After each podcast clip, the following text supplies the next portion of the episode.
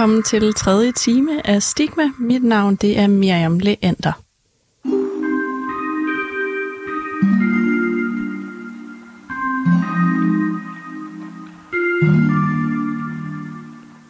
Hvis du lige er tunet ind her til tredje time af Stigma, så taler vi altså om sorg og sorgkultur i dag. Og jeg har Lærke Nielsen med som gæstevært.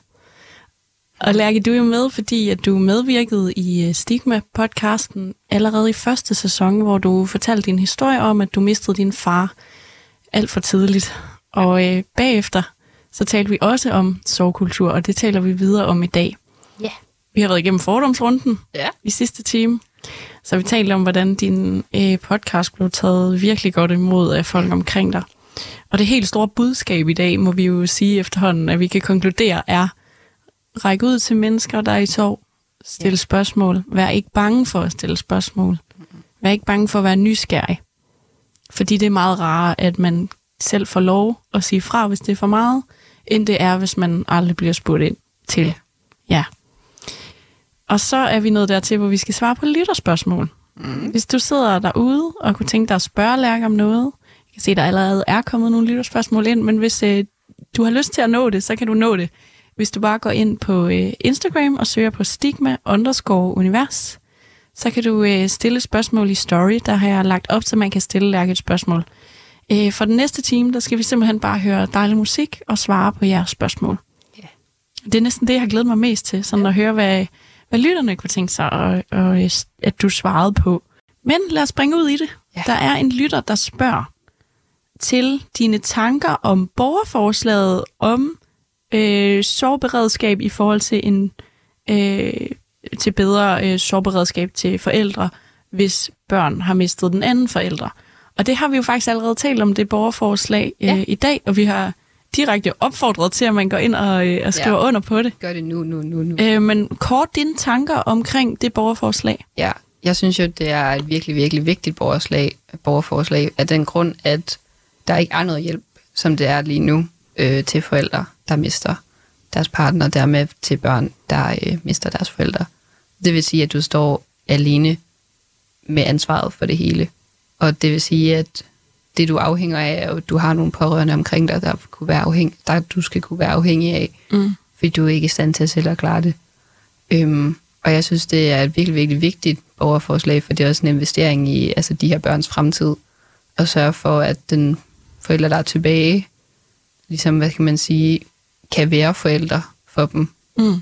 og også kan få hjælp til at håndtere sin egen sorg Ja. over sin partner, eller ekspartner, eller hvad det skulle være. Og lige nu er der et hul i systemet, som vi Ja. talte om. Det er der. Øh, du havde spurgt din mor, hvad hjælp hun fik, Ja. da din far døde.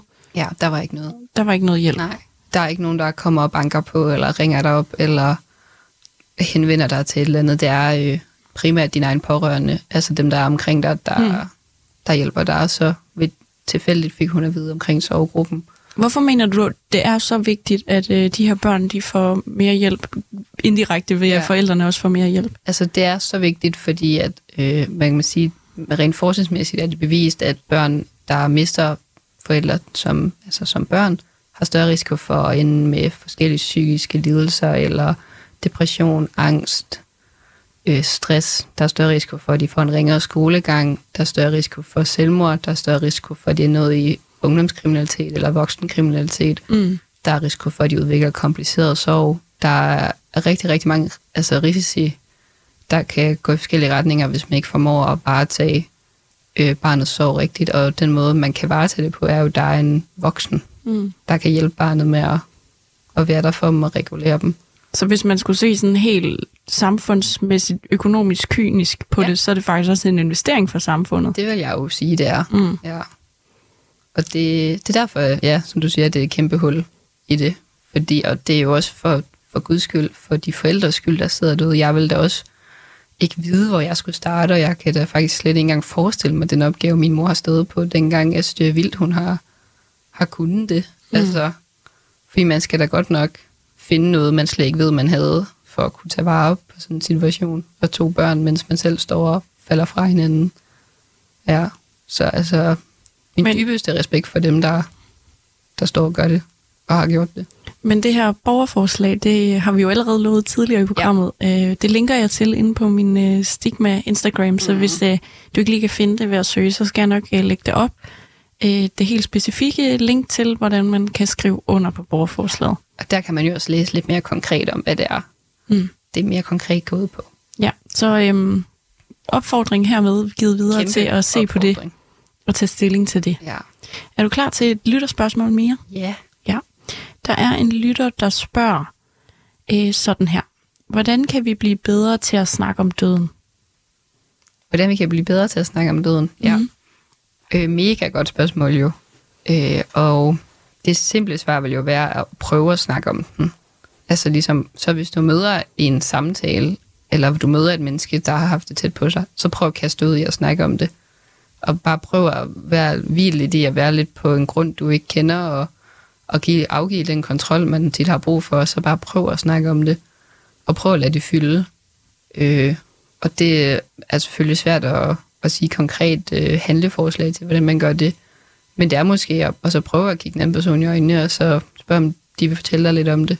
Mm. Altså, for det er jo ofte i samtale med, med andre, i dialog med andre, vi bliver klogere på, på livet. Så jeg, jeg tror, at for at vi kan blive bedre til det, så skal vi ud og gøre det. Ligesom vi ligesom skal øve os i at lære at cykle.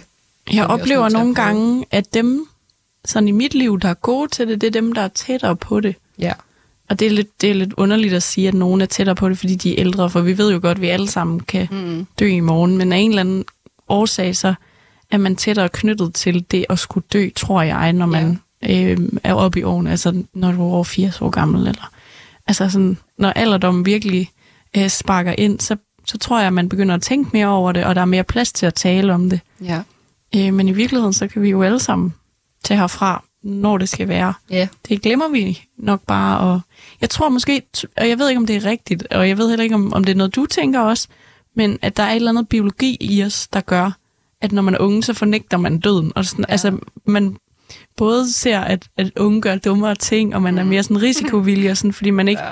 man måske ikke rigtig forstår, at det kan være en konsekvens, Ja. at man øh, ender med at tage herfra. Og det er jo også det, der er så smukt ved det at være ung og, Ja, og barn. Altså, sådan, du ved, man er jo det er, jo ikke tæt, det er ikke ens forstand, at det... Nej. nej. Og det synes jeg også, det skal man også holde fast i, men, øhm, men der er også noget virkelig sådan øh, smukt i også at kunne snakke om det. Og Mhm. det er der, der er jo rigtig mange, for eksempel, altså der er jo en hel måde at leve på, stoicisme, hvis man kender den, hvor man, man tænker, jamen, du skal, du skal dø en dag, så du ved, hvis man nu møder en eller anden udfordring på din vej, eller Mm. så siger du lige til dig selv, ja, men du skal jo alligevel dø en dag. Så hvor stor en deal er det lige nu og lige her? Altså sådan, så det er jo meget sådan, hvordan man tænker som menneske. Altså så tænker de jo for eksempel, hvor meget skal det så fylde? Mm. Eller så måske tænker de, så skal jeg lige nyde det her øjeblik lidt mere. Og husk, jeg hørte en mand snakke om, det var en sådan, det husker han sig selv på det lige inden, hver gang han siger godnat til hans datter. Så han nyder det her øjeblik endnu mere Mm. fordi han skal jo dø en dag. Det er så måske også sat på spidsen for mange, men, øhm, men det er jo en måde at have det med på sig, og det er jo nok også noget, man kun vælger at tænke sådan, hvis man har oplevet øh, døden tæt på. Så har man måske den tilgang. Jeg synes i hvert fald bare, at der er jo, man kan jo godt inkorporere den på en eller anden måde. Man kan også lade være. Men prøver, sådan opfordrer du i virkeligheden til, at man prøver at inkorporere døden som en del af ens tænkning i hverdagen, men uden at det bliver på en sørgelig måde? Mm, Fordi så, det bliver også måske sådan lidt YOLO-klichéagtigt. Ja. ikke Ja, at jeg skal være kritisk over for det, fordi jeg ved, Nej, hvor nej. fint det virker for dig Ja. at, at have det i mente, Ja, og, Det og sådan kramme ekstra øh, til dem, du, øh, give, dem, du holder af et ekstra ja. kram og sådan. Ah, det er et godt spørgsmål, men jeg ved ikke, om jeg opfordrer til det. Jeg tror bare, jeg opfordrer til at, at huske, at vi lever, og vi lever nu. Mm. Så vi lever øh, også i morgen og også i går, men der vi er lige nu, det er lige nu. Altså sådan, så vi kan godt bruge vores tid på at spekulere på alt det, der har været, eller alt det, der kommer. Øhm, men vi kan også prøve at være i øjeblikket lige nu. Øh, og det tror, jeg, det tror jeg, at jeg prøver selv at bestræbe at leve efter, kan være vildt svært. Jeg skal overhovedet ikke gøre mig selv som god til det nødvendigvis, men jeg prøver. Mm. Og jeg synes, at, øhm, at når det lykkedes mig, så er det virkelig, virkelig dejligt at være i det øjeblik, du er i lige nu. Og så, prøve at slippe alle de bekymringer for det, der kommer, eller det, der har været. Ja. Inden vi tager flere lytterspørgsmål, så skal vi høre endnu en sang. Øh, og det er også en, du har valgt. Ja. Øh, og vi skal, vi, vi skal høre Lucas Graham, hele Danmarks Ja. Christiania Darling, ja. øh, med You're Not There. Ja. Han har jo også mistet sin far. Det har han jo. Det er man jo ikke i tvivl om, når man har lyttet hans albums. Hvorfor skal vi høre den? Jamen, vi skal jo høre den også, fordi han har også mistet sin far, så det har jo været en måde for mig at, at cope helt vildt meget med øh, min egen sorg til min far, og han sætter rigtig fint ord på rigtig mange tanker, øh, jeg har gjort mig i løbet af mit liv, som han jo synger, at du er der ikke, du er der ikke til det her, du er der ikke til det her, du er der ikke til det her, for der kommer jo bare så mange stadier i ens liv, hvor man øh, husker, at de ikke er der, og man mærker, at de ikke er der.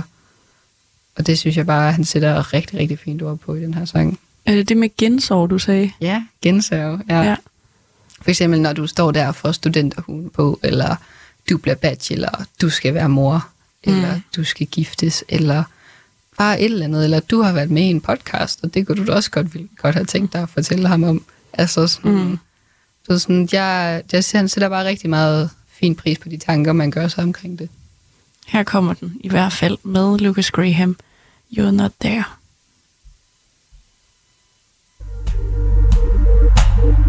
I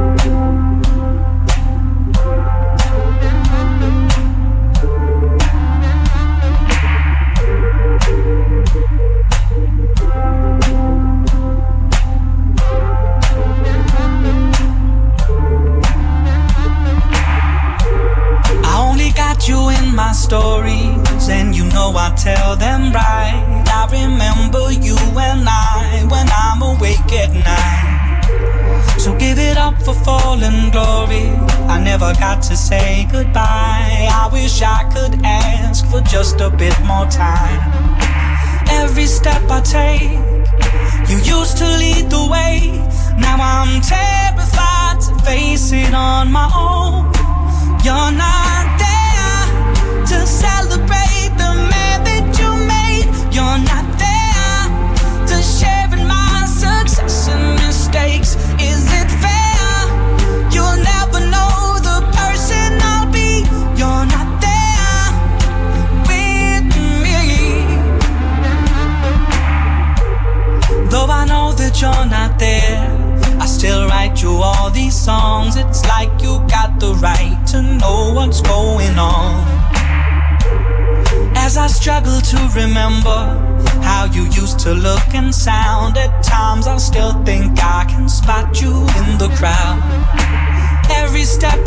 you used to lead the way, and now I'm terrified to face it on my own. You're not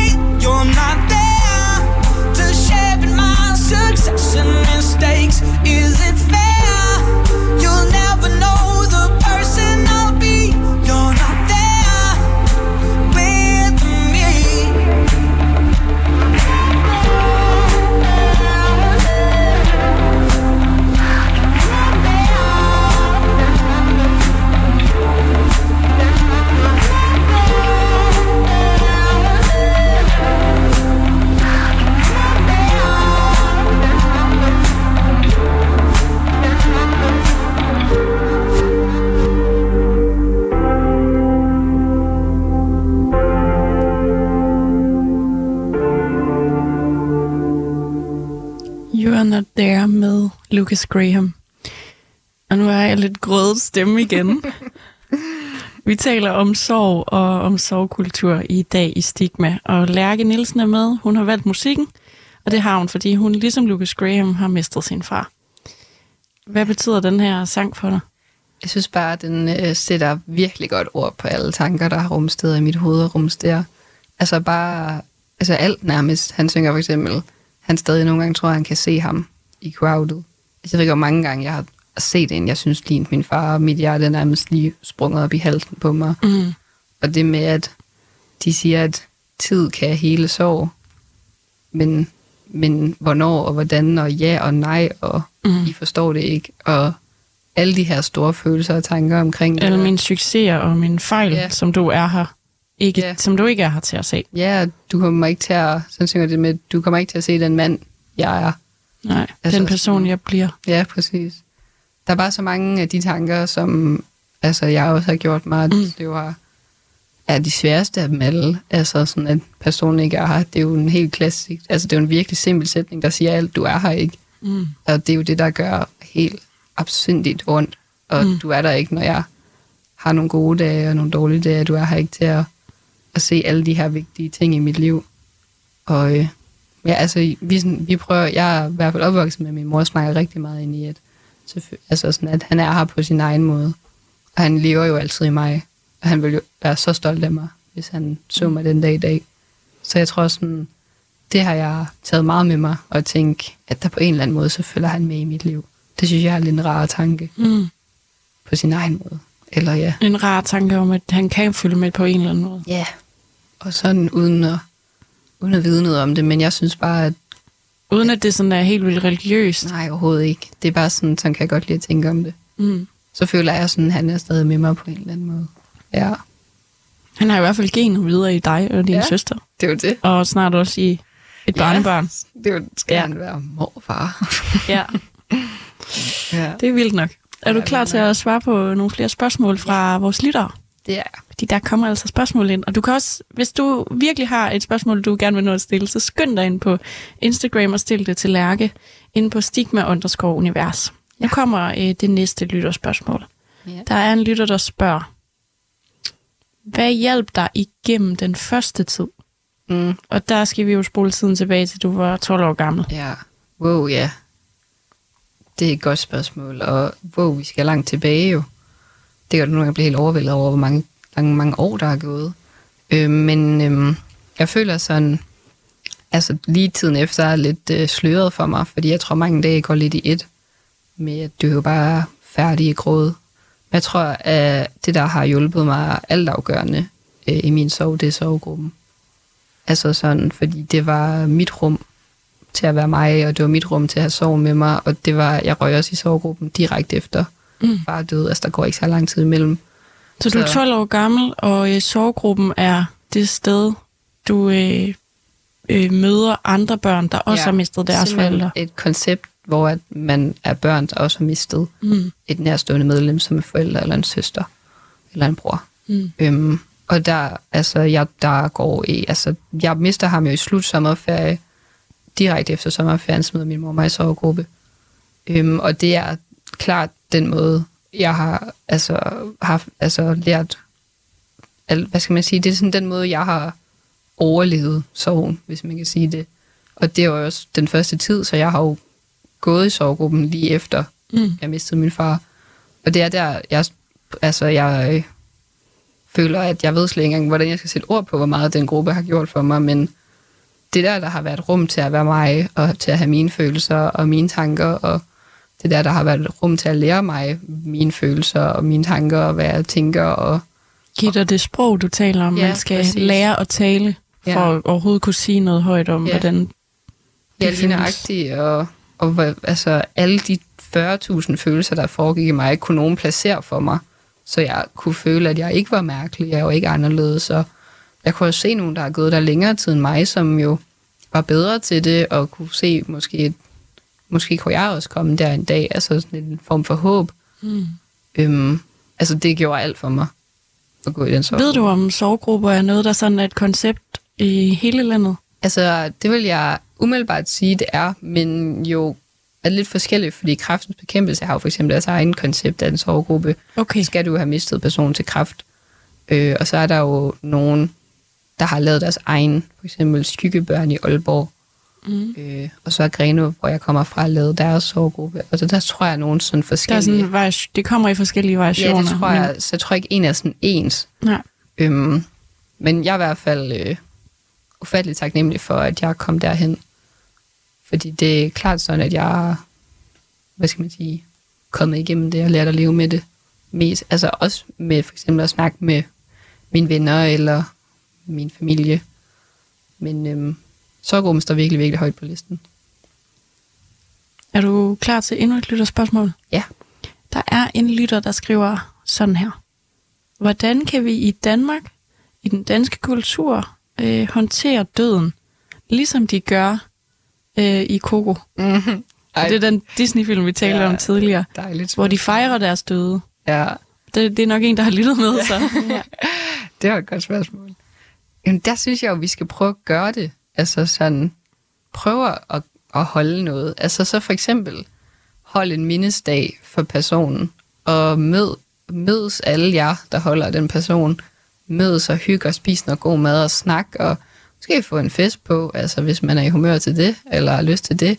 Prøv at gøre nogle ting, der skubber os hen imod en anden måde at gøre det på. Altså sådan, og det kunne jo være vildt griner, for eksempel, at holde en mindesfest. Og så er det ikke, fordi man skal komme og nødvendigvis være ked af det, men bare mindes den her person og, og snakke en masse gode historier. Jeg elsker jo at høre historier om min far. Det synes jeg er vildt dejligt. Det var også en af de fordomme, jeg smed i hovedet på dig, som du Ja. afkræftede, at Ja. at du egentlig ikke har lyst til at tale om din far, så siger du, jo, det har du både om det sørgelige, men også om alle de gode minder. Ja. Altså, at lever din far videre i de historier, der Mm. bliver fortalt om ham? 100 procent. Det er jo der, jeg kan mærke ham i mig på en eller anden måde. Mm. Jeg kan mærke, at han er med mig, fordi at, så er der måske nogen, der siger, gud, du ligner din far meget, eller ej, din far, han plejede også at gøre sådan her, eller Mm. ved, det er der, jeg kan mærke, sådan, at han er med mig i de historier, jeg hører, eller i de ting, folk fortæller mig. Ja. Og så synes jeg jo, det kunne være vildt smukt, at man gjorde det et eller andet ting. Altså for eksempel gjorde det til en tradition at spise boller i kaj på en fødselsdag, eller holde en eller anden Ja. fest, eller du ved, prøve at skubbe lidt til den der lidt mere sådan melankolske måde at gå til det på. Jeg synes, det er så godt, den også er der, så man også kan for eksempel have den med.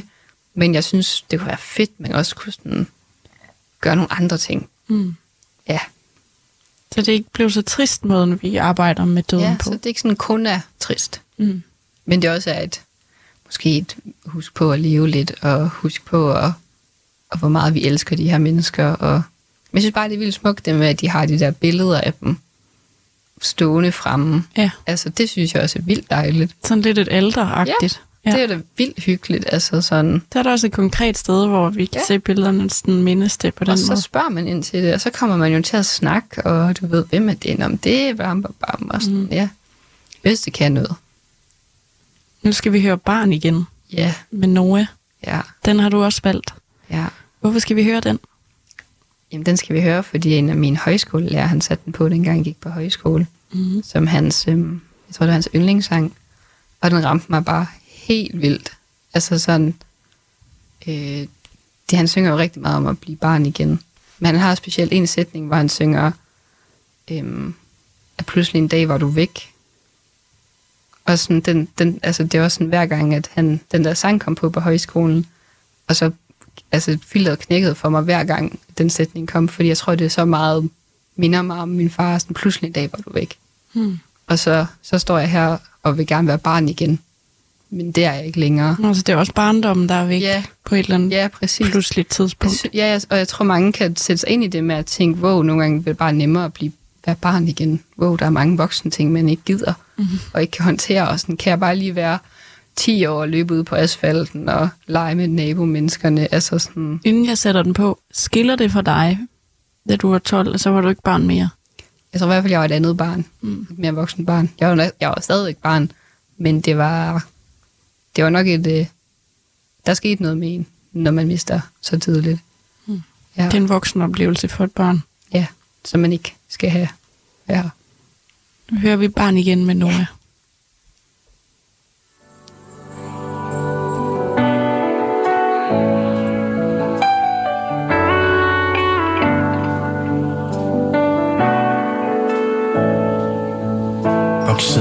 i de kroge af Danmark Som folk de egentlig helst flytter fra. Men alting var alligevel okay Selvom vores økonomi den var stram.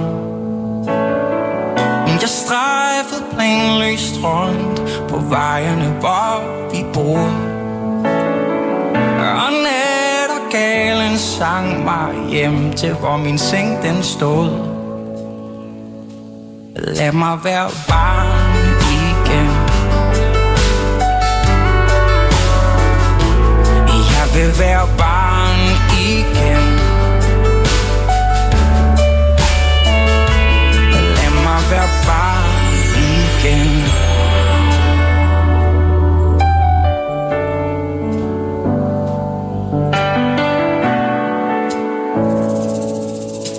Ville haverne duftede slået græs i august.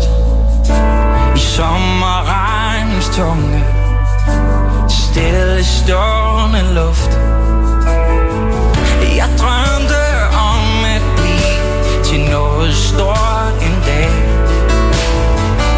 Og nu står jeg her Og drømmer mig tilbage. Lad mig være barn igen. Jeg vil være barn igen. Mm. Med duften af asfalt Bold bag på cyklen Mod horisonten. Og himlen var blå Og livet var lykken Med solskin i øjnene. Lad mig være barn igen. Hvad mere er der egentlig at sige?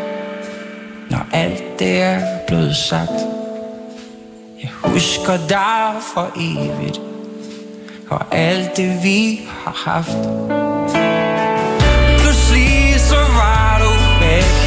Hvor tog du egentlig hen? Du skulle have været der Den dag da jeg kom hjem. Lad mig være barn.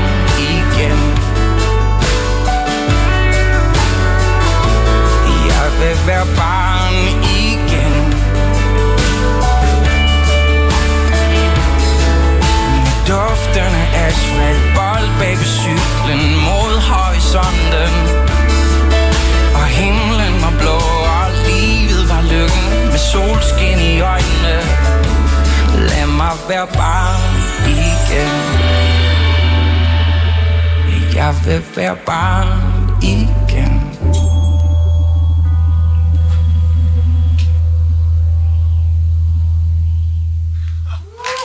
Barn igen med Noah. Lad mig være barn igen. Jeg vil være barn igen. Det var virkelig rørende, synes jeg. Ja. Øh, og oven på det, vi talte om lige inden. Ja. Jeg synes bare, han siger det, du ved, meget simpelt og godt. Sådan, du skulle have været der, den dag jeg kom hjem. Altså sådan, mm. og det, det var du ikke. Men jeg har husket alt det, vi har haft. Altså sådan, Ja, Ja. den er meget fin. ja. Det kan noget. Nu skal vi faktisk have et lytterspørgsmål, der passer ret godt til sangen, Uh, okay. synes jeg. Øh, der er en lytter, der spørger sådan her. Hvordan kan man hjælpe børn med at være en god ven over for en anden ven, der har Ja. mistet? Ja. Så det der med at tale med sit barn om, hvis barnets ven har mistet, Mm. hvordan kan vi hjælpe børnene til at gribe det bedre an? Og jeg tror, det er en lytter, der har lyttet med øh, tidligere øh, Ja. de sidste par timer, fordi vi talte helt i starten af, af dagens øh, stigma-program. Øh, der talte vi jo om det der med, hvordan børnene, de andre børn undgik at spørge ind til det Ja. ved dig. Ja. Og ligesom ikke rigtig turde nævne det med far og fædre og sådan noget, fordi de var bange for at gøre dig ked af det. Så hvordan lærer vi børnene at være en god ven over for en ven i sorg? Jeg tror jo, at øhm, det vigtige er, at vi også tør at snakke med vores børn om de her lidt større emner. Øh, nu siger jeg vores børn, som jeg også har nogen, men altså med børnene omkring det. Mm. Mm. Jeg tror også, at vi, man kan jo også godt blive bange for måske at føle, at det er et for stort emne for et barn, men jeg tror faktisk, at rigtig, rigtig mange børn er rigtig gode til at snakke om tingene. Det er min egen oplevelse, at øh, man faktisk kan snakke med børn om rigtig meget. Så hvis måske også, hvis man tør gå ind i dialogen med sit barn omkring, hvis nu Asger, hans gode kammerat, øh, har mistet, så måske snakke lidt om, hvad det vil sige, at folk dør, og, og hvordan det kan være, at Asger måske har det, og hvordan at man øh, ikke må være bange for at snakke med Asger om det, eller blive bange, hvis Asger er ked af det, eller Mm. vred, eller noget. Jeg tror, at øh, børn vil virkelig hinanden det bedste. Så hvis man tør at gå i en dialog med dem, og også for eksempel måske i en folkeskoleklasse som klasselærer, Mm. til at gå i en dialog med alle børnene omkring det, så tror jeg, at øh, alle børn vil gøre deres bedste øh, for deres ven. Altså, det er virkelig min overbevisning. At man kan... Altså, jeg synes bare, børn kan så meget, de er jo også meget mere umiddelbare. Så øhm, hvis man vil snakke om det, så tror jeg virkelig, det kunne hjælpe dem rigtig meget, fordi at... Tror du, børn godt kan tåle det? Ja, det Fordi der er jo nogle gange, øh, altså, nogle tendenser til, at børn skal skærmes for det, der er voldsomt. Så nu, nej, vi slukker tv'et, hvis det er for voldsomt. Eller, vi skal ikke snakke om øh, død her, fordi Ja. ja. små gryder har også ører. Ikke? Ja, ja, altså, ja. du ved, den der sådan en idé om, at børnene skal pakkes ind i vat. Ja, jeg tror bare, at, at børn opfanger langt mere, end vi vil stå ved nogle gange. Mm. Så hvis der er sket det i omgangskredsen, så synes jeg, at man skal gribe det, fordi de skal nok selv opfange alle signalerne og tingene. Og så er det bedre at snakke med dem om det. Mm. Jeg tror godt, man kan snakke med børn om det. Det tror jeg virkelig godt. Øhm, jeg synes bare, at man kan jo snakke om det i børnehøjde. Mm. Måske bruge noget, nu kommer jeg også til, jeg er jo en Ja. sådan kæmpe Harry Potter-nørd. Ja. Så jeg sidder og tænker, om man kan bruge børnelitteraturen, mm. for jeg ved jo også, at altså, Harry Potter har jo mistet sine forældre. Mm. Og der har været meget sådan, øh, altså måske ikke så meget Danmark, men for eksempel en del af USA, der er sådan, hvor forældrene har synes, de var alt for voldsomme ja. til at læse for små børn, fordi der er meget død i Harry Potter-bøgerne. Ja. Og der er, altså, det er virkelig mange omkring Harry Potter, der er hans nærmeste og forældrefigurer, der dør, ikke? Mm. Og hans forældre er døde. Han får at vide hele tiden, du har din mors øjne og bliver mindet om moren, og det, er sådan, det fylder meget, Ja. at han bliver mindet om forældrene, der ikke er der Ja. i de bøger. Øhm, men, men ikke på en sådan ulykkelig måde, synes jeg. Altså, der, der kan man måske bruge noget litteratur eller en fortælling ja til der, at sådan, formidle det til børnene. der findes jo virkelig meget pæn børnelitteratur, der også går ind i forskellige emner. Mm. Øh, for eksempel også om sorg. Der er en bog, der hedder Så meget kærlighed kan ikke dø, øhm, mm. som er skrevet i børnehøjde til en, jeg ved ikke helt, hvor gammel det er, men den kunne man jo også læse sammen, enten på klassen, eller man kunne give sin, øh, sit barn den og læse mm. den med dem. For der kommer der rigtig mange af de tanker og følelser ind, som øh, det barn, der har mistet, kan stå med. Og øh, så kunne man jo udvide barnets horisont på den måde. Og jeg tror kun, det vil være givetigt. Altså, jeg tror ikke, jeg tror på at pakke børn ind i vat. Jeg kommer også til at tænke på, når vi har talt så meget om i dag, at voksne er berøringsangste og bange og Mhm. tager afstand til at spørge ind og Ja. ikke vil ødelægge den gode stemning og så videre. Så er det måske også et produkt af, at man engang var barn, og der ikke blev hjulpet med, hvordan man skulle få et sprog for det. Ja, og det tror jeg, man tager med sig i alle afkroge. Altså, hvis man måske ikke er vokset op i et hjem, der vil snakke så meget om tingene, så snakker man måske heller ikke så meget selv om tingene, og så er det måske også meget voldsomt at skulle begynde at snakke om tingene med sit barn nu. Mm. Øhm, men jeg kan kun forestille mig, at det vil gøre noget godt, hvis man kunne komme lidt ud af sin comfort zone og begynde at snakke om nogle ting, som øh, ikke bare er nemt nødvendigvis. Men jeg er 100% som du siger, at man tager jo det med sig, man selv har, har lært, og man skal også være opmærksom på det, før man kan ændre det. Så når der også der var en anden lytter, der også spurgte, hvordan ændrer vi vores kultur Ja. til at tale mere om det?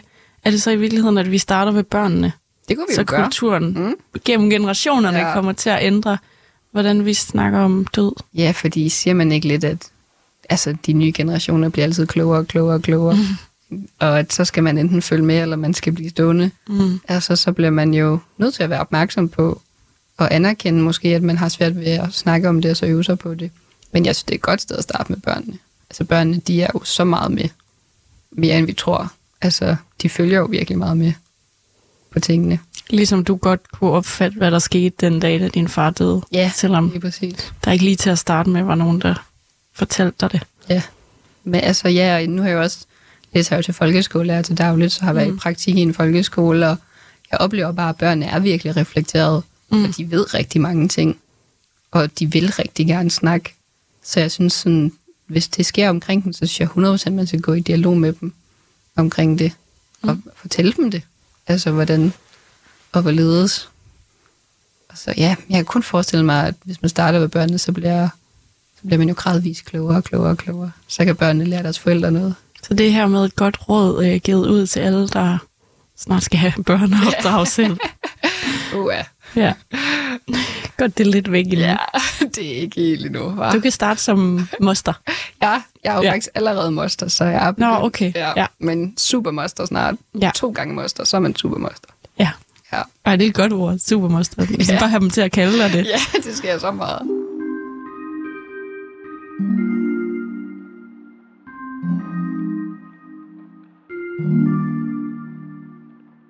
Vi kan lige nå øh, et eller to her til sidst, inden vi desværre må øh, takke af for i dag. Men der er en lytter, der spørger sådan her til dig, Lærke. Hvad er dit bedste råd til at komme igennem sorgen? Åh, oh, mit bedste råd til at komme igennem sorgen, det, det er at snakke om den.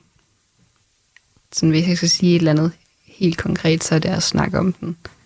Det er for guds skyld ikke at proppe den langt ned i maven, og ikke snakke om den, og ikke ville den. Og, øhm, fordi jeg havde den virkelig langt ned i maven i lang tid, og det var på ingen måde rart. Og jeg har aldrig oplevet en større forløsning, end da den kom lidt ud af maven. Og jeg har snakket om den. Og jeg har lært at snakke om den.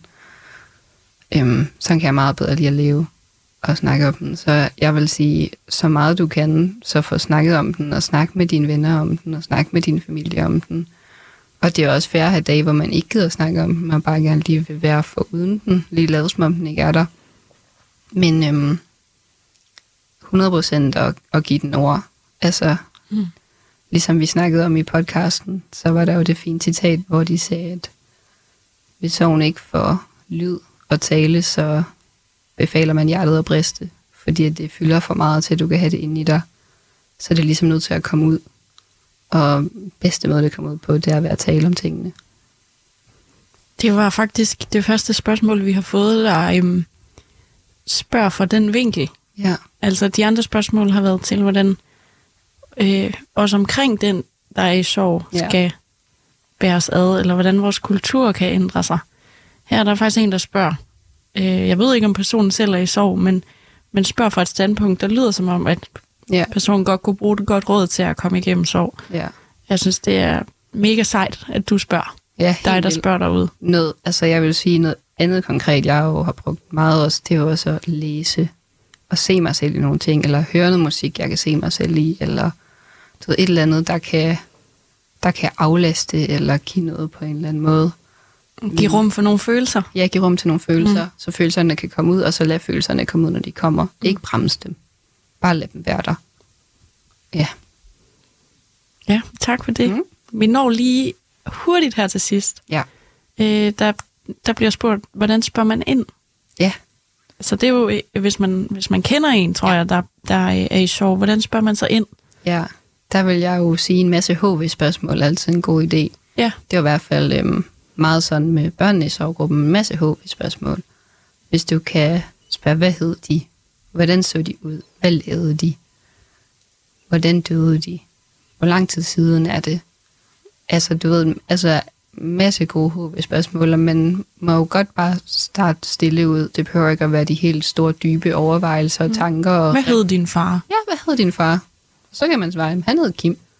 Altså, du ved, det er jo også noget, alle nemt kan forholde sig til. Så jeg tror, øh, at der vil jeg starte, hvis det var mig, med nogle HV-spørgsmål. Og så måske bare sige, jeg synes, det er vildt svært faktisk lige, hvad jeg skal sige, men mm, altså, må jeg spørge om noget? Hvad hed han? Hvad hed hun? Mm. Altså, Det er et meget fint, konkret råd at Ja. bruge HV-spørgsmålene. Mm. det er det, jeg gør med børnene. Mm. Jeg tænker, at det er noget, man kan gøre med, med alle. I alle ældre. Ja, Ja. Nu er der simpelthen gået tre timer det er så vildt. her i radioen øh, med Stigma. Lærke Nielsen, tusind, tusind tak, fordi du havde lyst til at være gæstevært. Ja, tak fordi jeg måtte komme. Selvfølgelig. Så hyggeligt. Hvis du sidder derude og øh, kunne tænke dig at høre mere til Lærke, så ligger der altså to, en todelt øh, episode øh, fra sæson 1 med Lærke, der fortæller historien om, da hun mistede sin far. Vi håber, at I har fået noget ud af at lytte med i dag. Tusind tak, fordi I lytter med og har lyst til at bryde nogle af de barriere, der er mellem mennesker. Det er jo det, vi gør her i Stigma, forhåbentlig. Ja. Bidrage lidt til det. Og så er det altså derefter tid til en radioavis her på kanalen. Tak fordi du lyttede med. Mit navn det er Miriam Leander.